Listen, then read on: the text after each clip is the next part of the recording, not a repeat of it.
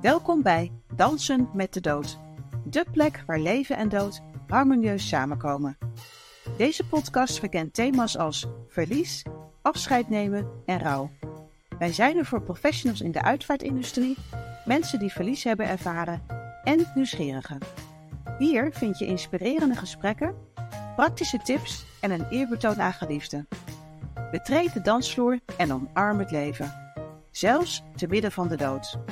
Mijn naam is Aisha Krakel-Bransen en ik ben jouw host op deze bijzondere reis. Ben jij klaar voor deze unieke danservaring? Abonneer je dan nu en ontdek wat deze podcast voor jou in petto heeft. Op 15-jarige leeftijd verloor Yvette haar moeder plotseling aan een hersenbloeding.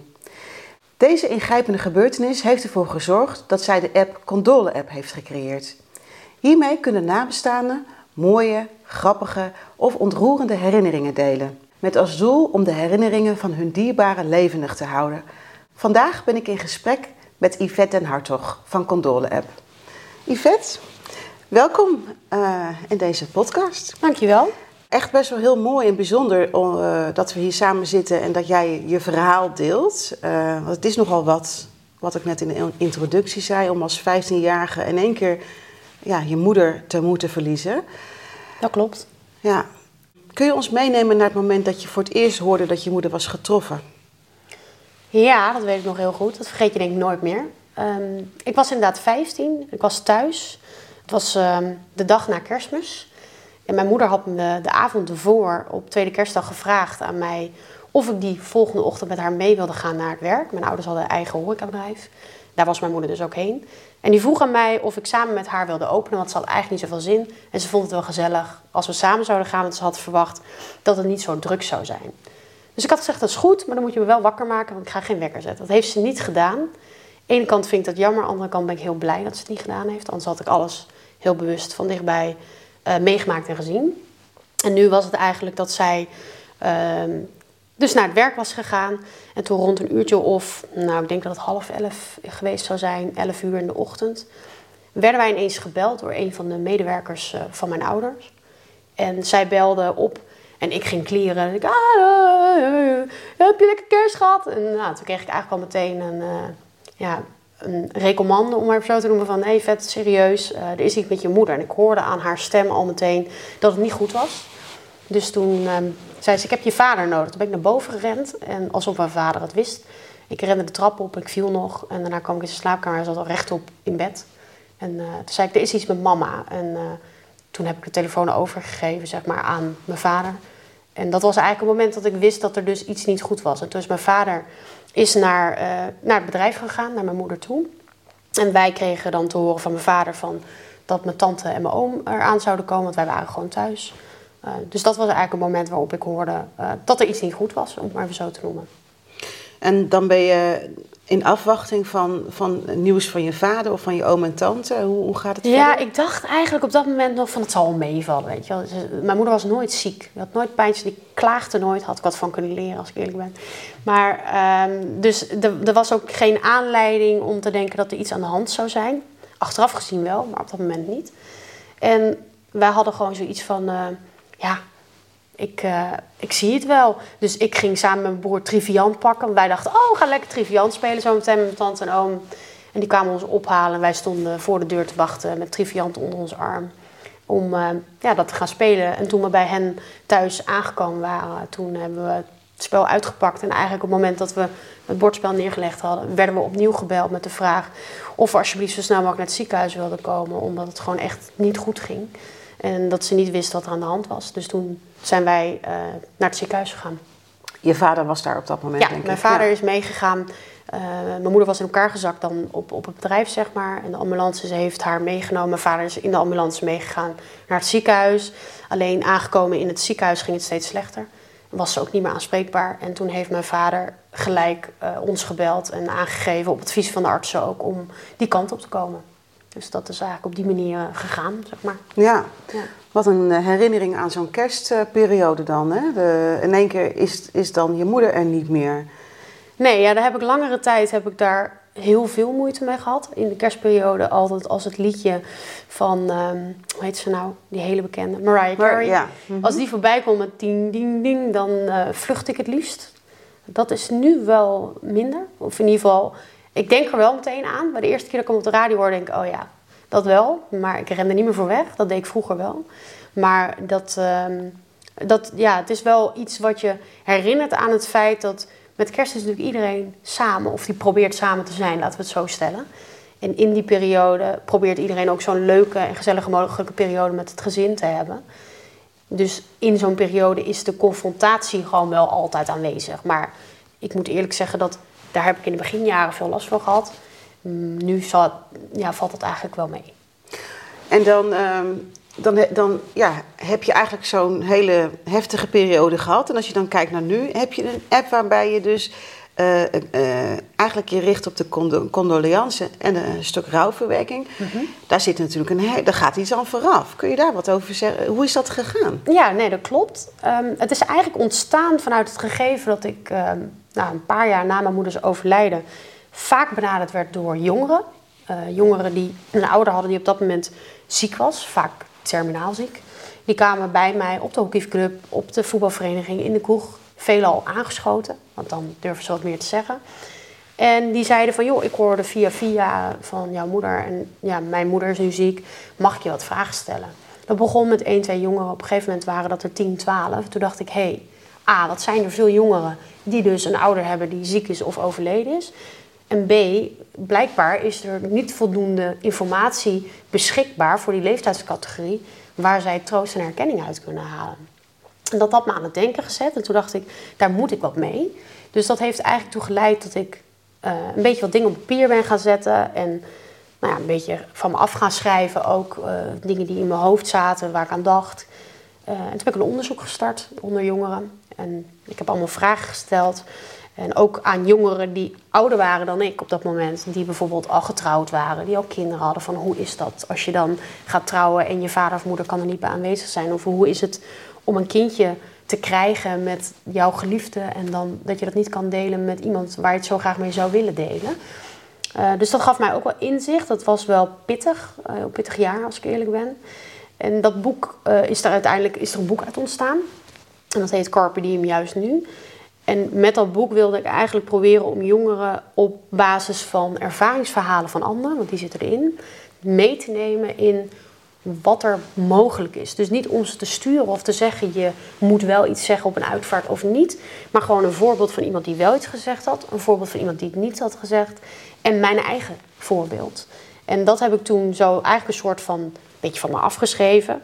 En toen op een gegeven moment ontstond daar een boek uit. En toen dacht ik, oh, maar niemand had ik verteld. Ook mijn vader niet, mijn broer niet. Terwijl ik alles met hen deel. En toen op een gegeven moment heb ik ze bij me geroepen. En aan tafel gezegd, ja, ik wil met jullie eten. Ik wil met jullie spreken dit is waar ik mee bezig ben geweest. En die vond het heel mooi. En toen hebben ze... Mijn broer heeft toen ook geholpen aan uh, met zijn verhaal ook delen. Wat best wel mooi was, omdat hij daarvoor best wel gesloten was op dat gebied. En uiteindelijk is dat boek ontstaan. En toen dacht ik, ja, na een paar jaar... Ik, wil, ik kreeg weer meer vragen en het begon weer te kriebelen. En ik dacht, ik wil toch eigenlijk meer doen voor jongeren. Wat kan ik nog meer doen? Ik kan opnieuw een boek schrijven, want laten we wel wezen, als ik heel eerlijk ben... dat boek wat ik geschreven heb heb ik geschreven in 2000, nou wat zal het geweest zijn, 10. Dus dat is echt wel verouderd. Er is zoveel, dat zie je ook zelf in de branche, bijgekomen, verbeterd, uh, veranderd. Dus dacht ik, uh, ja, ik moet toch een vervolg geven. Toen dacht ik, wat, wat is nu van deze tijd? Ja, digitaal.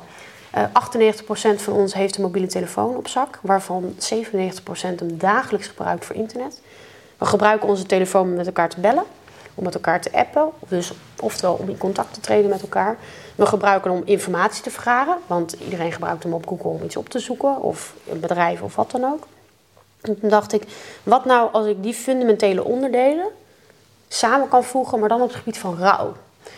En toen ontstond eigenlijk het idee voor een rouw-app. En toen heb ik hier naar, op, op A3-vellen allemaal uh, dingen geplakt en gedaan. En van oké, als ik daar dan op klik, dan moet dat en dan moet dit en dan moet zus. En uh, het heeft mijn hele vloer vol liggen met allemaal A3-vellen, met allemaal kleine getekende ja, appschermen, om maar zo te noemen. En toen had ik het. Toen dacht ik, ja, dit is wat ik wil. En toen ben ik bij een paar bedrijven langs geweest om te kijken of er iemand was die het zou willen maken. Nou, dat wilden ze allemaal wel. Alleen, ja, er zat best wel veel verschil in. En uh, uiteindelijk kreeg ik toen de offerte voor mijn neus. En toen dacht ik, oeh, we leggen het nog even in de koelkast. ja, dat is best wel prijzig om een app te ontwikkelen. Een app bouwen is erg kostbaar, ja. En zeker met alle dingen die ik erin heb zitten. Um, maar ook het onderhoud heb je aan een app en data. Want ja, zodra ik er meer in stop, dan wordt hij ook weer meer uh, gevuld. Dan blijven zeggen qua gigabyte en dingen. Dan heb je meer hogere opslagkosten. Dus alles speelt met elkaar samen. Uh, maar goed, op een gegeven moment dacht ik, ja, weet je, het blijft in mijn hoofd hangen. Ik wil zo graag iets betekenen. Um, ik heb het geld, uh, ik ga gewoon mijn spaargeld investeren. En toen ben ik de app begonnen. Dus dat is eigenlijk het ontstaan uh, van Condola. Ja. En je kon natuurlijk putten uit zowel je eigen ervaring als het onderzoek wat je had gedaan onder jongeren, waar die behoefte dan precies lag. Ja, in eerste instantie wel. Alleen gaandeweg uh, is mijn visie wat betreft doel wat de app zou moeten hebben veranderd.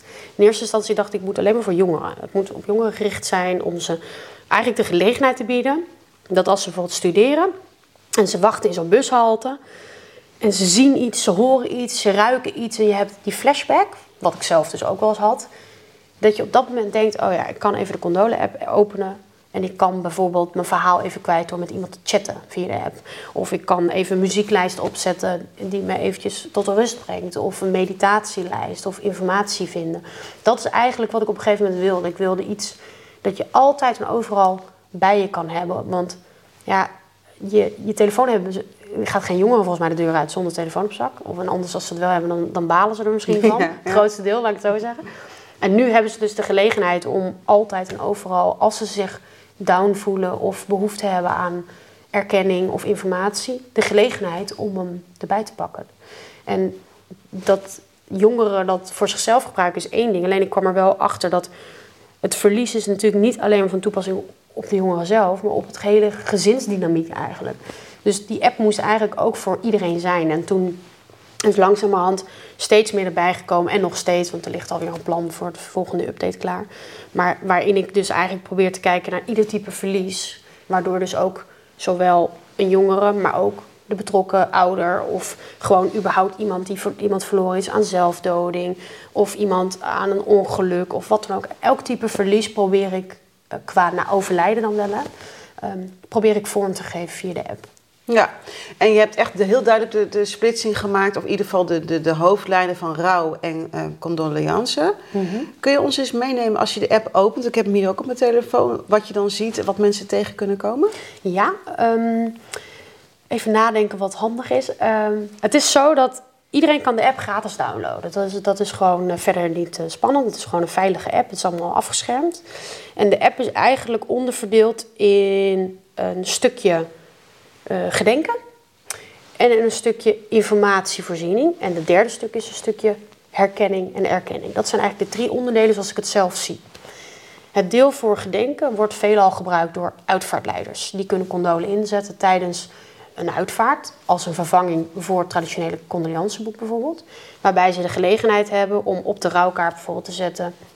wij ontvangen graag je herinnering aan Piet via de Condole-app. Download de app, gebruik deze code. is gewoon een unieke code voor de privéomgeving. En zodra ze dan de, de code, zeg maar, als het ware, in de app hebben geplaatst... dan kunnen ze vanuit daaruit kunnen ze foto's, video's, geluidsopnamen delen. Dat is niet zo spannend, want dat kan natuurlijk op verschillende manieren. Maar ze kunnen ook gelijk via de app bijvoorbeeld aanbieden: ik wil wel de was voor je doen, of de hond uitlaten, of de boodschappen doen. Echt praktische ondersteuning, vooral in de eerste weken na het overlijden, kunnen heel waardevol zijn. Om een voorbeeld te noemen: je hebt een gezin waarbij een van de twee ouders komt te overlijden.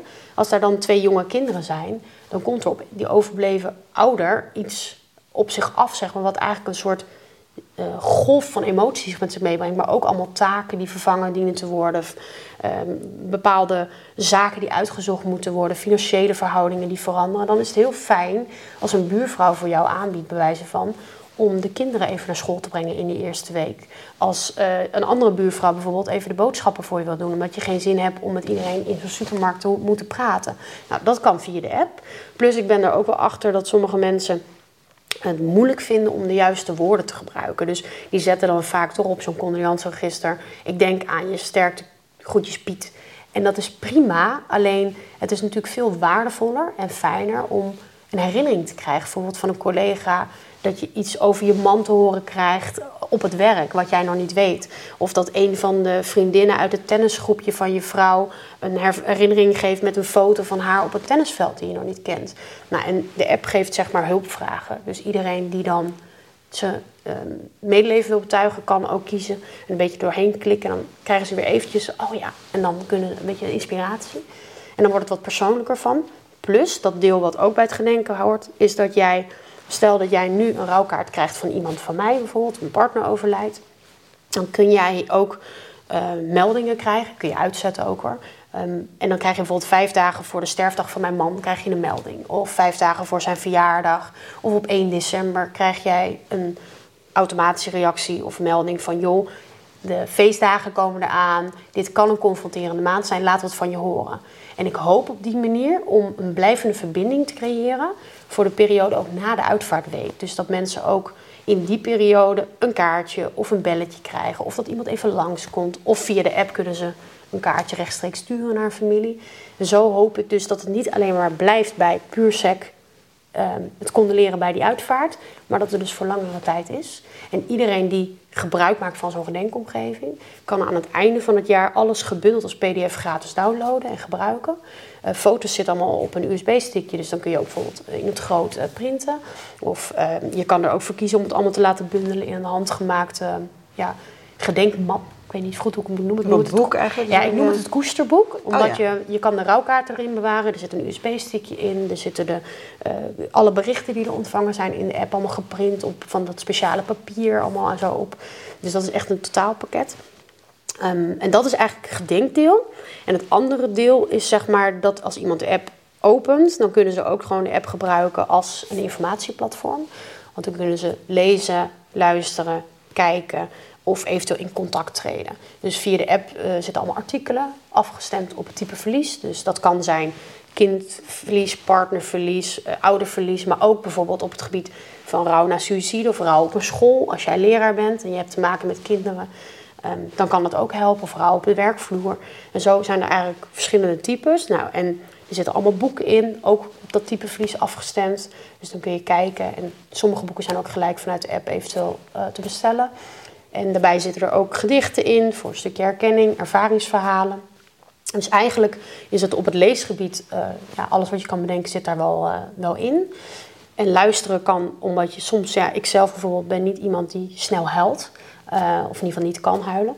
Dus via de app kun je bijvoorbeeld de janklijst aanzetten. Als jij denkt, ik voel me echt, ik wil het even eruit. Zet je janklijst aan en misschien helpt het om op die manier toch je emoties ja, vrij te kunnen laten, om even zo te noemen. En als je denkt van ja, ik wil toch graag even met iemand mijn verhaal eh, delen, dan pak je de chatroom in de app en dan kun je met een vrijwilliger van de stichtingen waar ik mee samenwerk, bijvoorbeeld 1 en 3 zelfmoordpreventie, Vereniging Leven met Dood en um, Slachtofferhulp Nederland, kun je rechtstreeks vanuit de app uh, je verhaal even kwijt. Dat kan zeven dagen per week.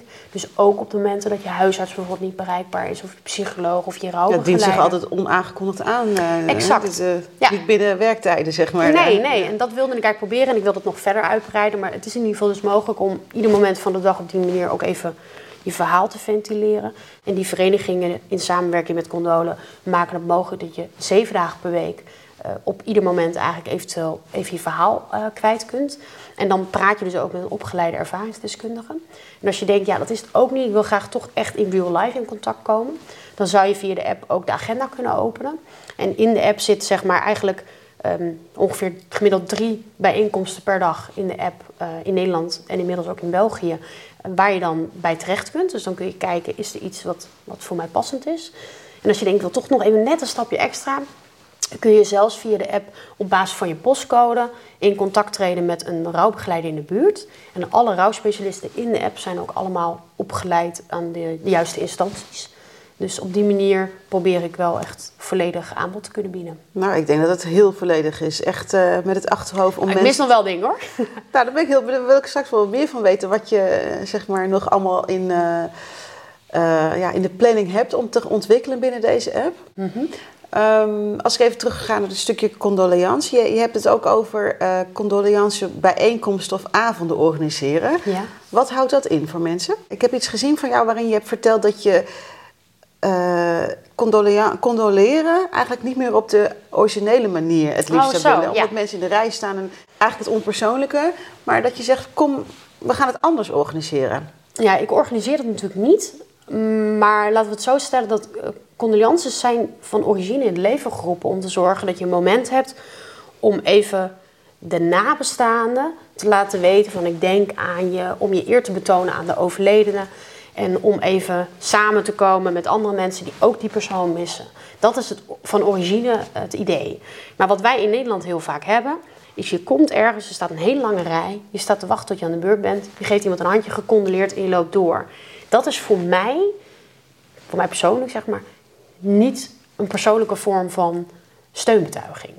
En ik had zoiets, stel nou dat we wel die avonden blijven behouden, maar dan puur gericht op het feit dat je daar naartoe kan, dat er niet een rij hoeft te staan, dat je echt even kan proosten, dat je herinneringen met elkaar kan delen met andere mensen die ook die persoon missen, de nabestaanden even een knuffel kunt geven.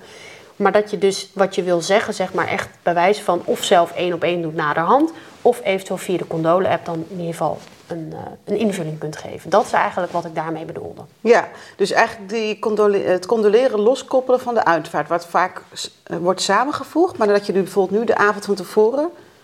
een Ja, ik weet niet of het per se losgekoppeld hoeft te worden. Ik denk dat het een combinatie kan zijn. Want er zijn natuurlijk ook altijd mensen die dat wel fijn vinden om te blijven doen. En laten we wel wezen, een cultuur verander je niet snel.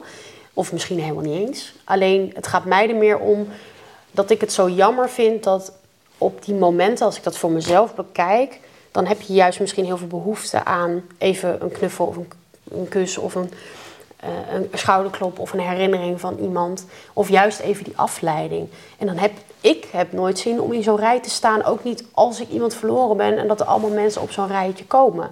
Ik hou er altijd wel van als het dan gewoon een beetje luchtig is. En dat je even aan een tafel plaats kan nemen met mensen. En dat je die even hoort kletsen. En het, het er zijn is voor mij dan ook al genoeg. En ik wil niet zeggen dat wat ik vind, dat dat voor anderen ook geldt. Maar ik denk wel dat als we het op die manier in zouden kleden, dat we het een, ja, een persoonlijker geheel zouden kunnen maken, denk ik. Hoe had jij anders in je eigen rouwproces eh, gestaan als jij de beschikking had gehad tot de Condole-app?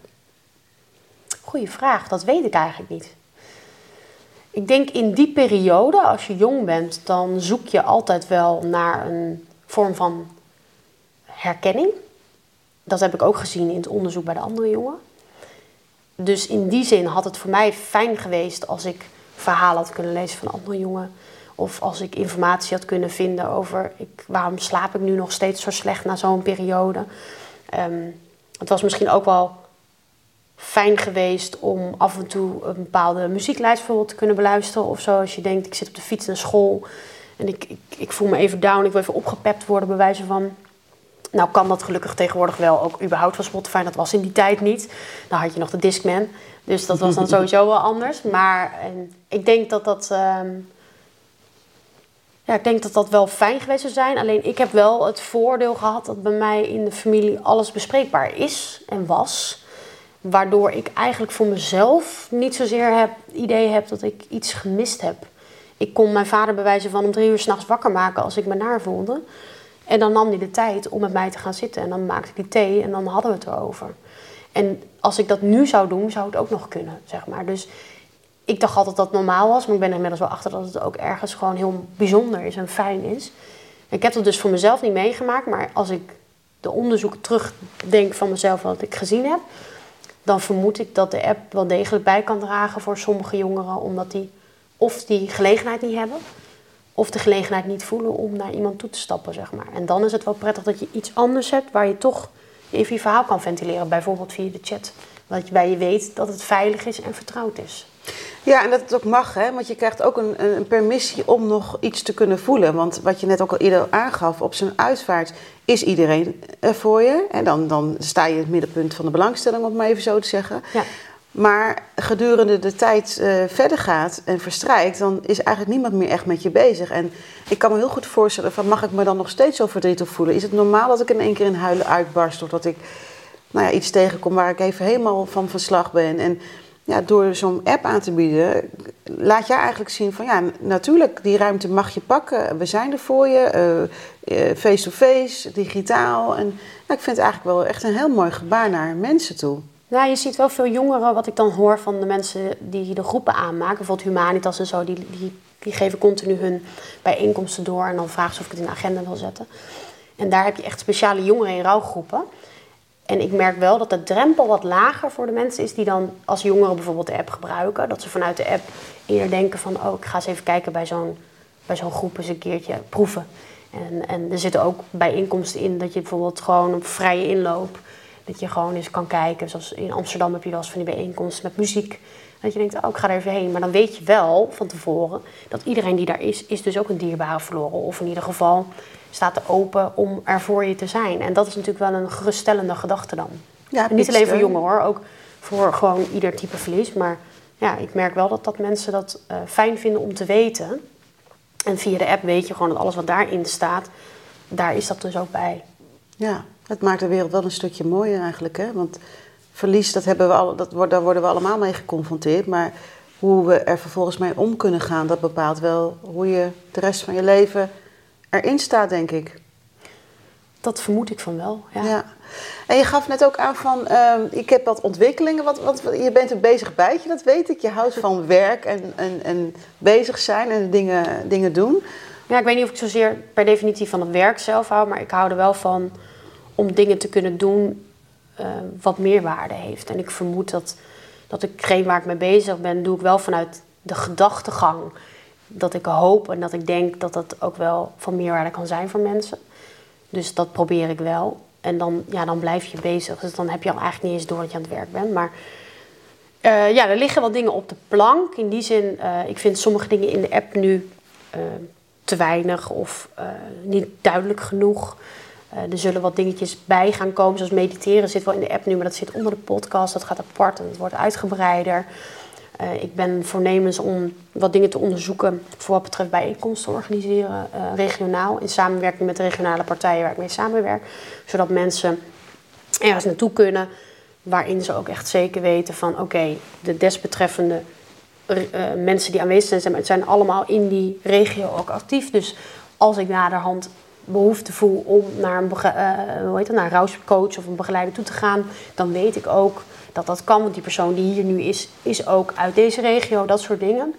Dat, uh, dat lijkt me heel leuk om, uh, om invulling te gaan geven. En in de app zelf staan er inderdaad wat, uh, wat wijzigingen op de planning, maar die mag je afwachten. Ja, ja precies. Ik wou dat zeggen. Misschien wil je daar nog niks over zeggen. als je kijkt naar, naar de, de markt, hè, omtrent rouw en ja, eigenlijk rouw. Wat voor trends en ontwikkelingen zie je? Zijn er vernieuwingen waar mensen zich mee bezighouden? Wat gebeurt er? Wat ik zie is dat we in ieder geval vanuit de branche, maar goed, dat is ook onze branche, proberen om het taboe te doorbreken. Dat we willen eigenlijk dat rouw onderdeel wordt van het leven, wat het eigenlijk al is. Alleen dat, ja, wat ik zie is dat er steeds meer bedrijven zijn die zich richten op rouw op de werkvloer, rouw op scholen omdat het gewoon ook onderdeel zou moeten gaan worden van het lespakket. Dat mensen weten, of kinderen worden opgegroeid eigenlijk als het ware, met dat emoties er mogen zijn dat emoties normaal zijn en hoe je daarmee om kan gaan, hoe je iemand anders naaste zeg maar, kan ondersteunen.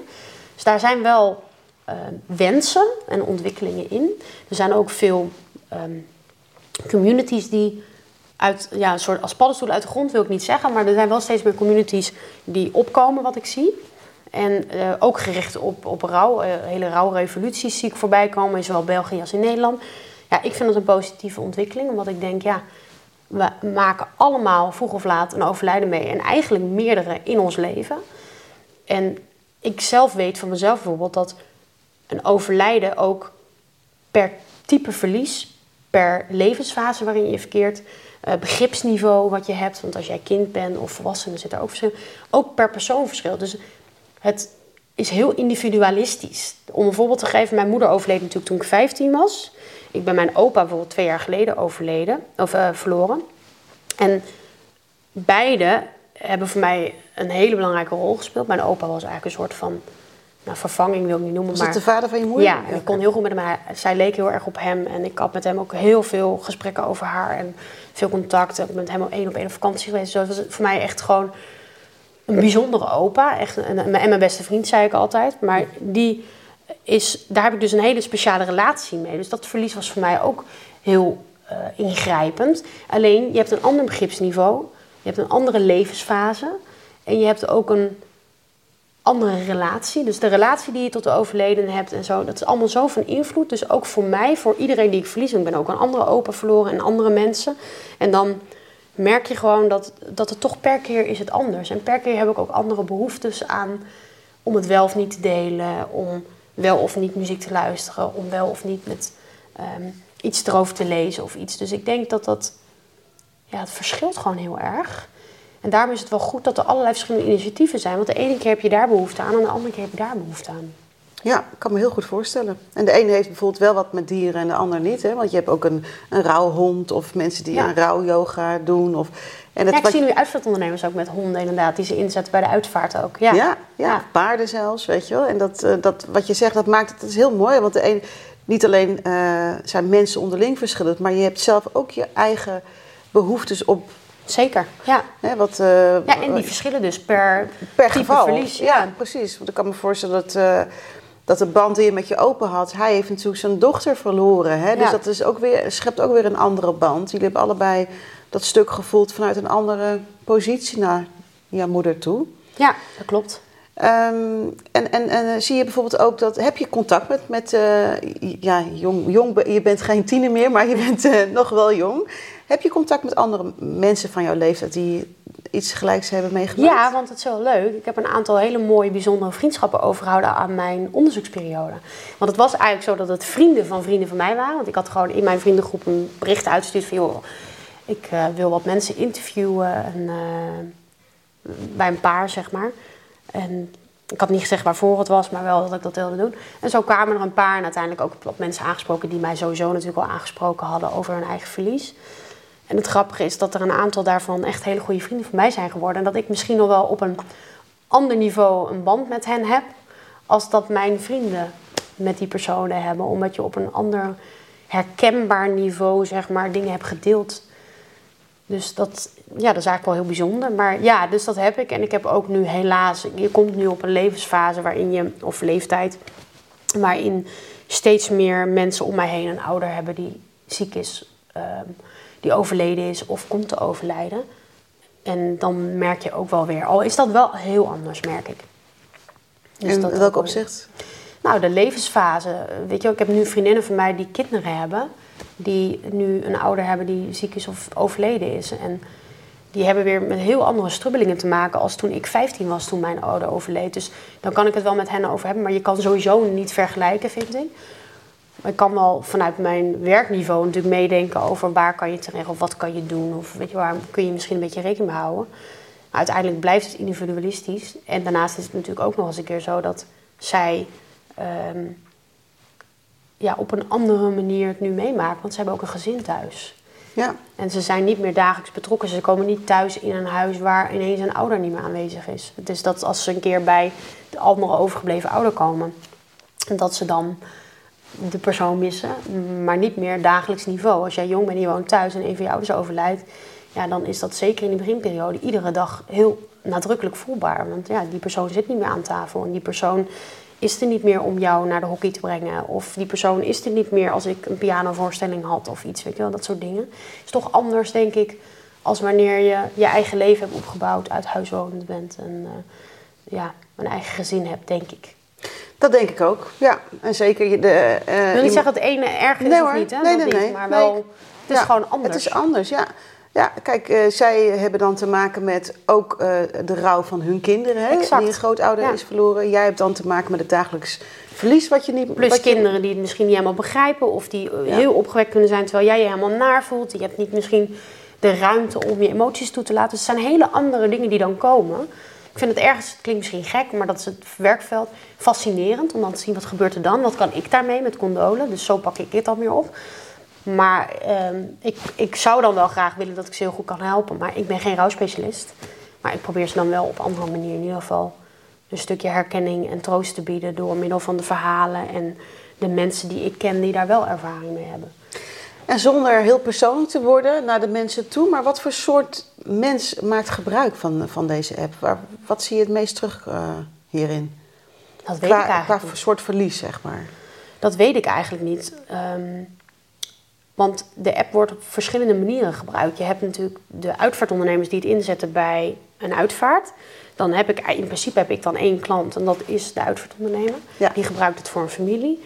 Maar die familie zet die code op de rouwkaart. En die nodigt misschien 20, 50 mensen die, uit, die dus die code krijgen, die daarin zitten. Of die mensen het alleen gebruiken om de familie te condoleren. Of ook denken, ik ga het gebruiken als naslagwerk om mijn vriend, vriendin, collega of wie dan ook beter te kunnen begrijpen en ondersteunen. Dat kan ik niet herleiden. Nee, het is ook afgeschermd, hè? Dus je ziet Ja. ook niet wat Nee. een ander doet. eh, Nee, en ja. ik, ik, ik zit ook geen uh, volgsysteem in of iets dat ik dat bijhoud. Omdat mijn doel is puur sec dat ik wil dat de app zo uitgebreid mogelijk is en dat het ze kan helpen. En niet om te weten, uh, ja, Wat er allemaal gebeurt. nee, Nee. nee. Nou, ik vind het echt heel mooi eh, wat je doet. En Nou, eh, ja, ga door met je, want je bent er eh, heel enthousiast mee bezig om dit aan te bieden. Dus eh Ik super doe mijn bedankt. best. Ja, Ja. jij ook bedankt voor je tijd en voor je aandacht en interesse in condolen. graag Dus gedaan. uh, dankjewel.